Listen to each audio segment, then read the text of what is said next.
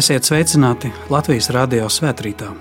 Kopā ar jums mācītājs Ivars Jēkabsons. Ieklausīsimies svēto rakstu vārdos, kas rakstīti Jāņa evanģēlīja desmitajā nodaļā. Jēzus saka, es esmu labais gans. Labais gans atdod savu dzīvību par savām avīm. Derētais gans, kas nav īstais, kam avis nepiedara, redzēdams vilku nākam, atstāja avis un bēga un vilks tās nolaupa un izklīdina, jo viņš ir derēts gans un avis viņam nerūp. Es esmu labais gans. Es pazīstu savus avis, un manas avis mani pazīst. Itin kā tēvs pazīst mani, es pazīstu tēvu, un es atdodu savu dzīvību par savām avīm. Man vēl ir citas avis, kas nav no šīs kūts, arī tās man jāatved. Arī viņas dzirdēs manu balsi, un būs viens ganāmpulks un viens gans.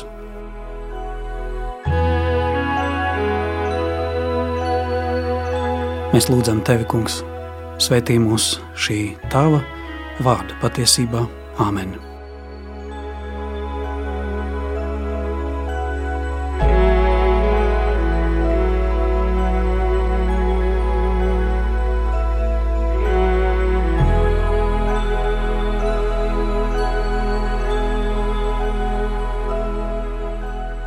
Šī svētdiena, otrā pēc lieldienām, Baznīcas gadā ir Dieva žēlsirdības svētdiena ar nosaukumu Misericordija Domini.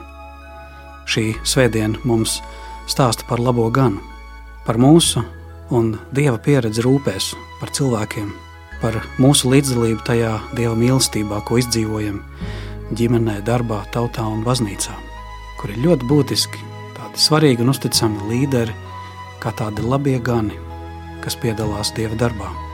Jēzus tam visam ir piemērs, Jēzus tam visam ir pamats. Viņš gādā, dziedē, meklē pazudušo.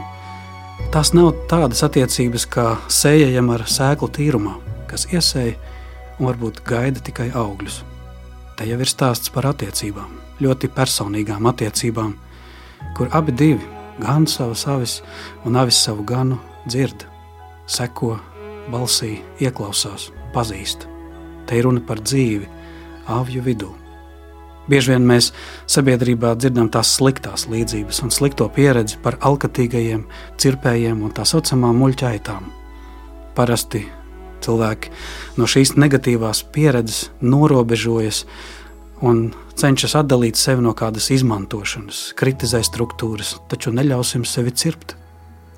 Bet līdzībā runājot, vai tad mūsu jēga dzīvē ir kļūt par pārtaukotām aitām ar pāraugušu, piedodiet, netīru smirdīgu vilnu, jo mūsu egoistiskā dzīve tikai pašiem sev, saviem taukiem un savai vilnai zaudē kādu augstāku vērtību, ja tas nekalpo citiem. Mūsu valsts mīļie pastāv tāpēc, ka daudzi ziedoja tā sakot savu vilnu, savu tauko dzīvi un pat asinis par brīvību. Tieši šāda gatavība nodoties citu labā, dot no sevis, ir tas, ko šis laikmets sagaida no mums, no patiesiem līderiem, no patiesiem valstu un sabiedrību vadītājiem un pat garīgiem ganiem.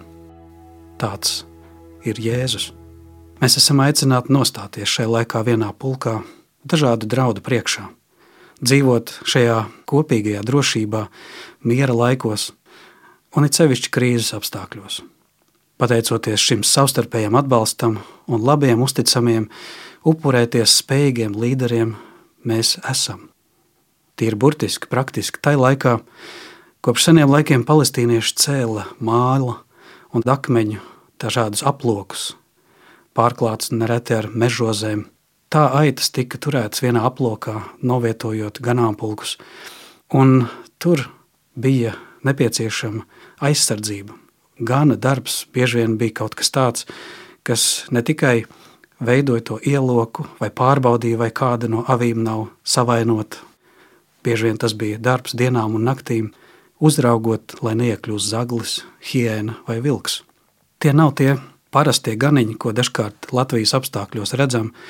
Tie ir īsti karavīri, robežsargi, kam jācīnās ar plēsīgiem zvēriem un zagļiem, arī pat pret pašu avju neapdomību. Ganas pieķis nav lai ievainotu aitu, bet lai glābtu lai ar to lielo āķi varētu izvilkt to no bedres vai no ērkšķiem.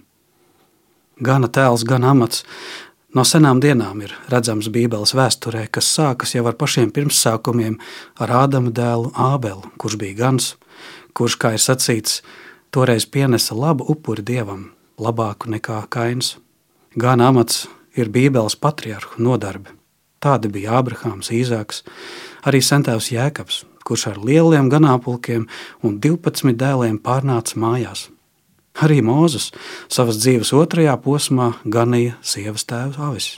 Tur darba dienas vidū Mozus sastopa atklāsmi pie degošā krūma, un tur no sievas tēva avja gana kļūst par savas tautas vadoni un ganu savai tautai ceļā no verdzības brīvībā, cauri tuksnesim uz apsolīto zemi. Arī ķēniņš Dāvids sāka savu karjeru kā avju gans. Gan amats tika viņam uzticēts jau kā zēnam, taču tieši tur viņš sasniedz to rūdījumu, ko nozīmē aizstāvēt savu ganāmpulku pret plēsīgiem zvēriem. Tur viņš izkopa savu spēju cīnīties ar viņam pieejamiem ieročiem. Parasta linga, ar kuru var meistarīgi mest akmeni, precīzi trāpot mērķī, tas viņam palīdzēja vēlāk pieveikt kara mākslā pieredzējušo filistieti Goliātu. Tieši Dāvidam pieder viena no Bībeles domājams skaistākām dziesmām, 23. psalms. Kungs ir mans gans, man netrūks nenieka. Viņš man liek ganīties zaļainās ganībās un vada mani pie skaidra ūdens. Viņš atspierdzina manu dvēseli un ved mani pa taisnības ceļiem sava vārda dēļ.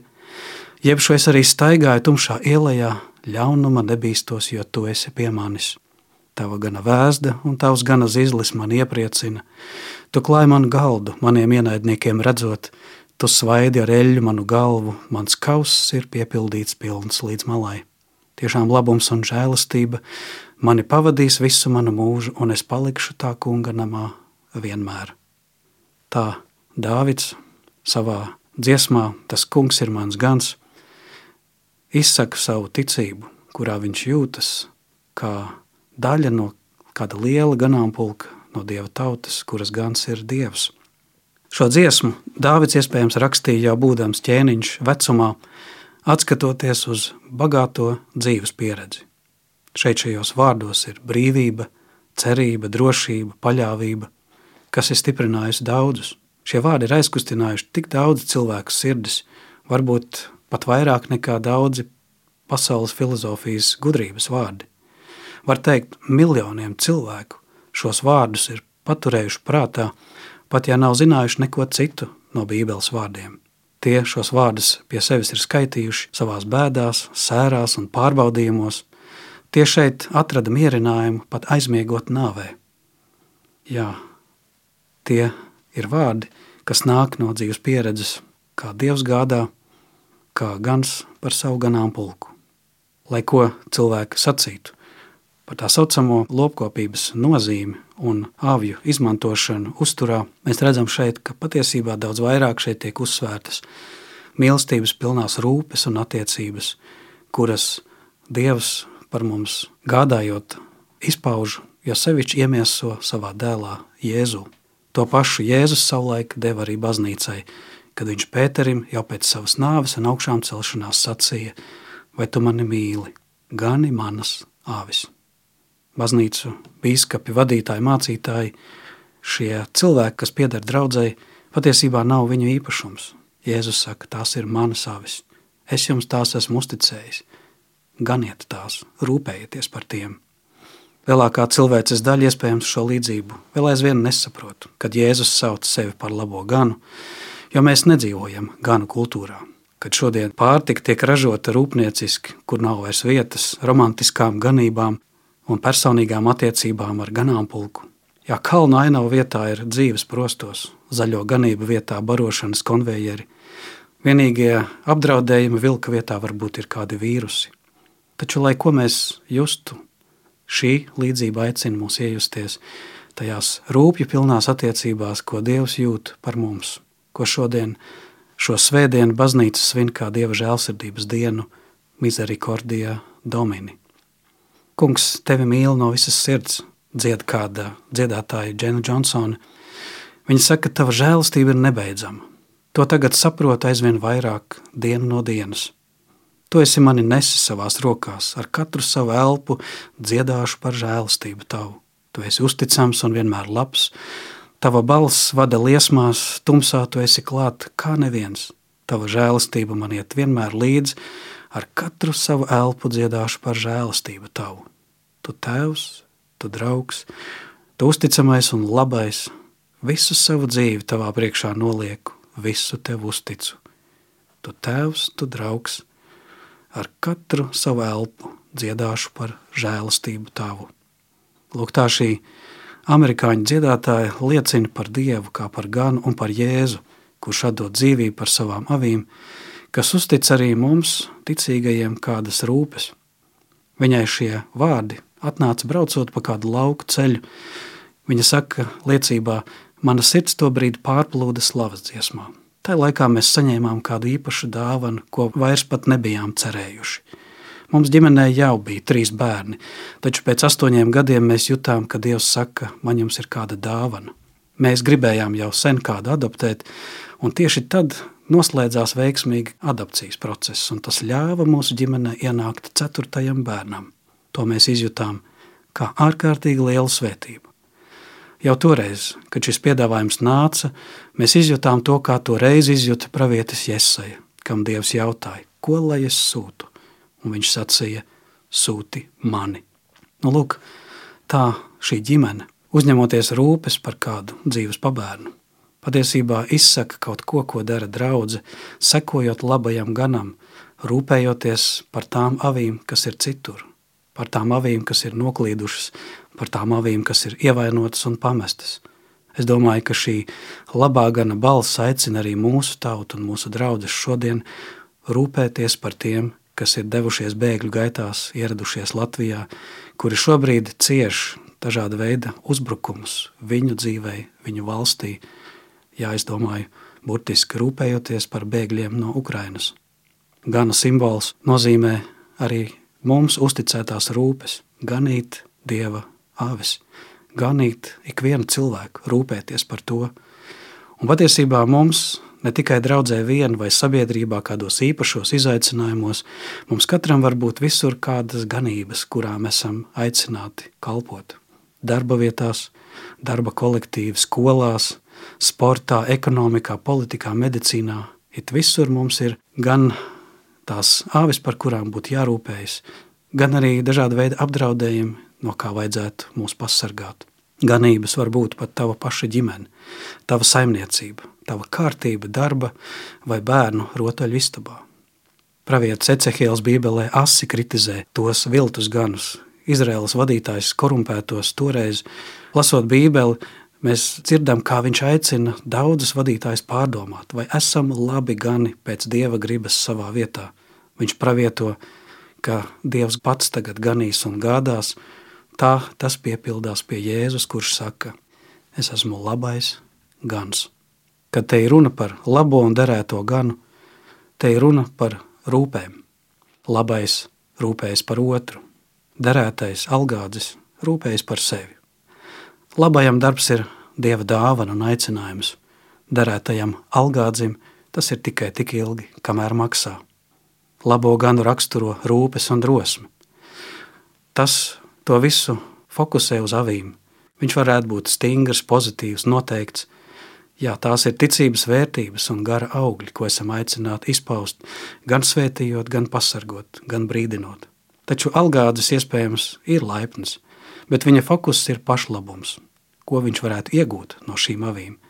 Drīzāk viņam interesē maciņš viņu kabatā, nevis palīdzība tiem viņu dzīvē. Pārbaudījuma brīžos kad tā sakot, uguns pakulās, viņš bēg. Viņš noliedz savu vainu, uzgāž to uz pašām avīm, un galvenais viņa dzīvē ir godkāra, mantkārība, kur dažādos kritiskos brīžos viņš zaudē savaldību. Tā varam redzēt pēc šiem augļiem īstos vai neīstos vadītājus, uzticamos vai neusticamos, algāģus un īstos līderus.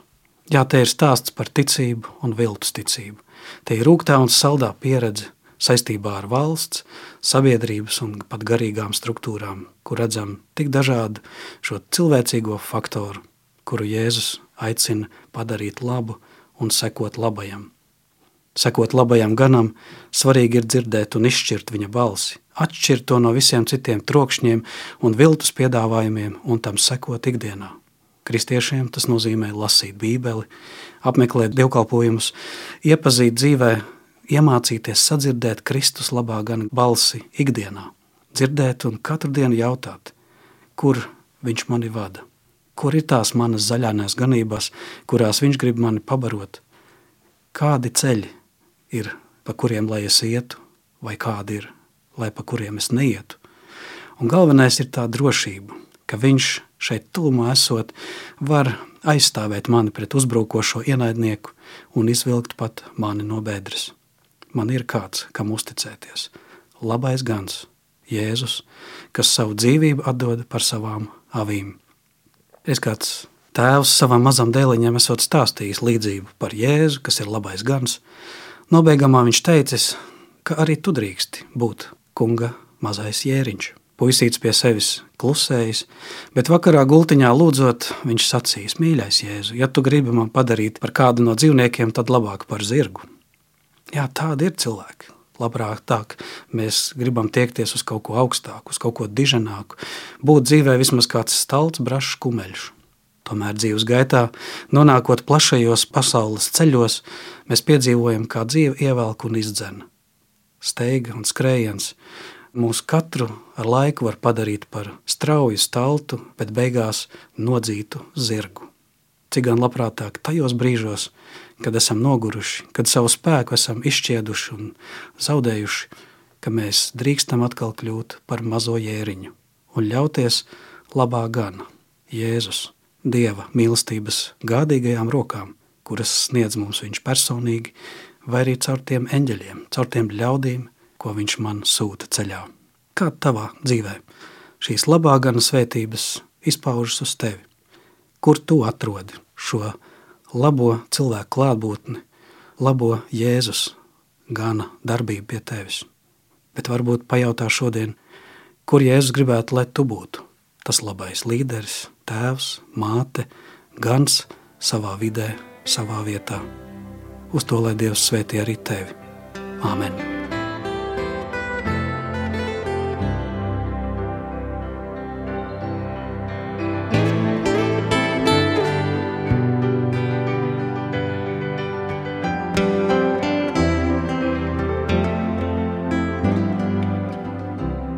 Lūksim! Mīļais debesu Tēvs, mēs pateicamies, ka Tu tik ļoti pasauli esi mīlējis, ka devis savu dēlu Jēzu mums par pestītāju, kurš kā labais gans ne tikai māca vai norāda, bet arī upurējas un mīlēdams glāb mūs no pazušanas, no dzīves ērkšķiem un ved drošās zaļainās ganībās. Svētī, vadi un pasargi arī mūsu zemi un tautu, Īpaši turpinam aizlūgt par kaimiņu zemi Ukrainu karā. Īpaši lūdzam par visiem Latvijas, pasaules, Ukrainas, tā skaitā Krievijas vadītājiem, ka labā gan balss arī viņus aizsniedz, kā arī viņi ierauda tos kungs tevis dotos labos ceļus un atgriežas pie gaismas un patiesības, uz ko tu mūs aicini ar patiesām rūpēm, rūpēties par tām lietām un vietām un cilvēkiem, ko tu, kungs, mums katram esi uzticējis. To lūdzam Jēzus vārdā. Āmen! Dieva miers augstāks kā cilvēka prāts un saprašana, lai svētī un pasargā jūsu sirdis un domas Kristu Jēzu mūžīgai dzīvībai. Studijā kopā ar jums bija mācītājs Ivars Jēkabsons.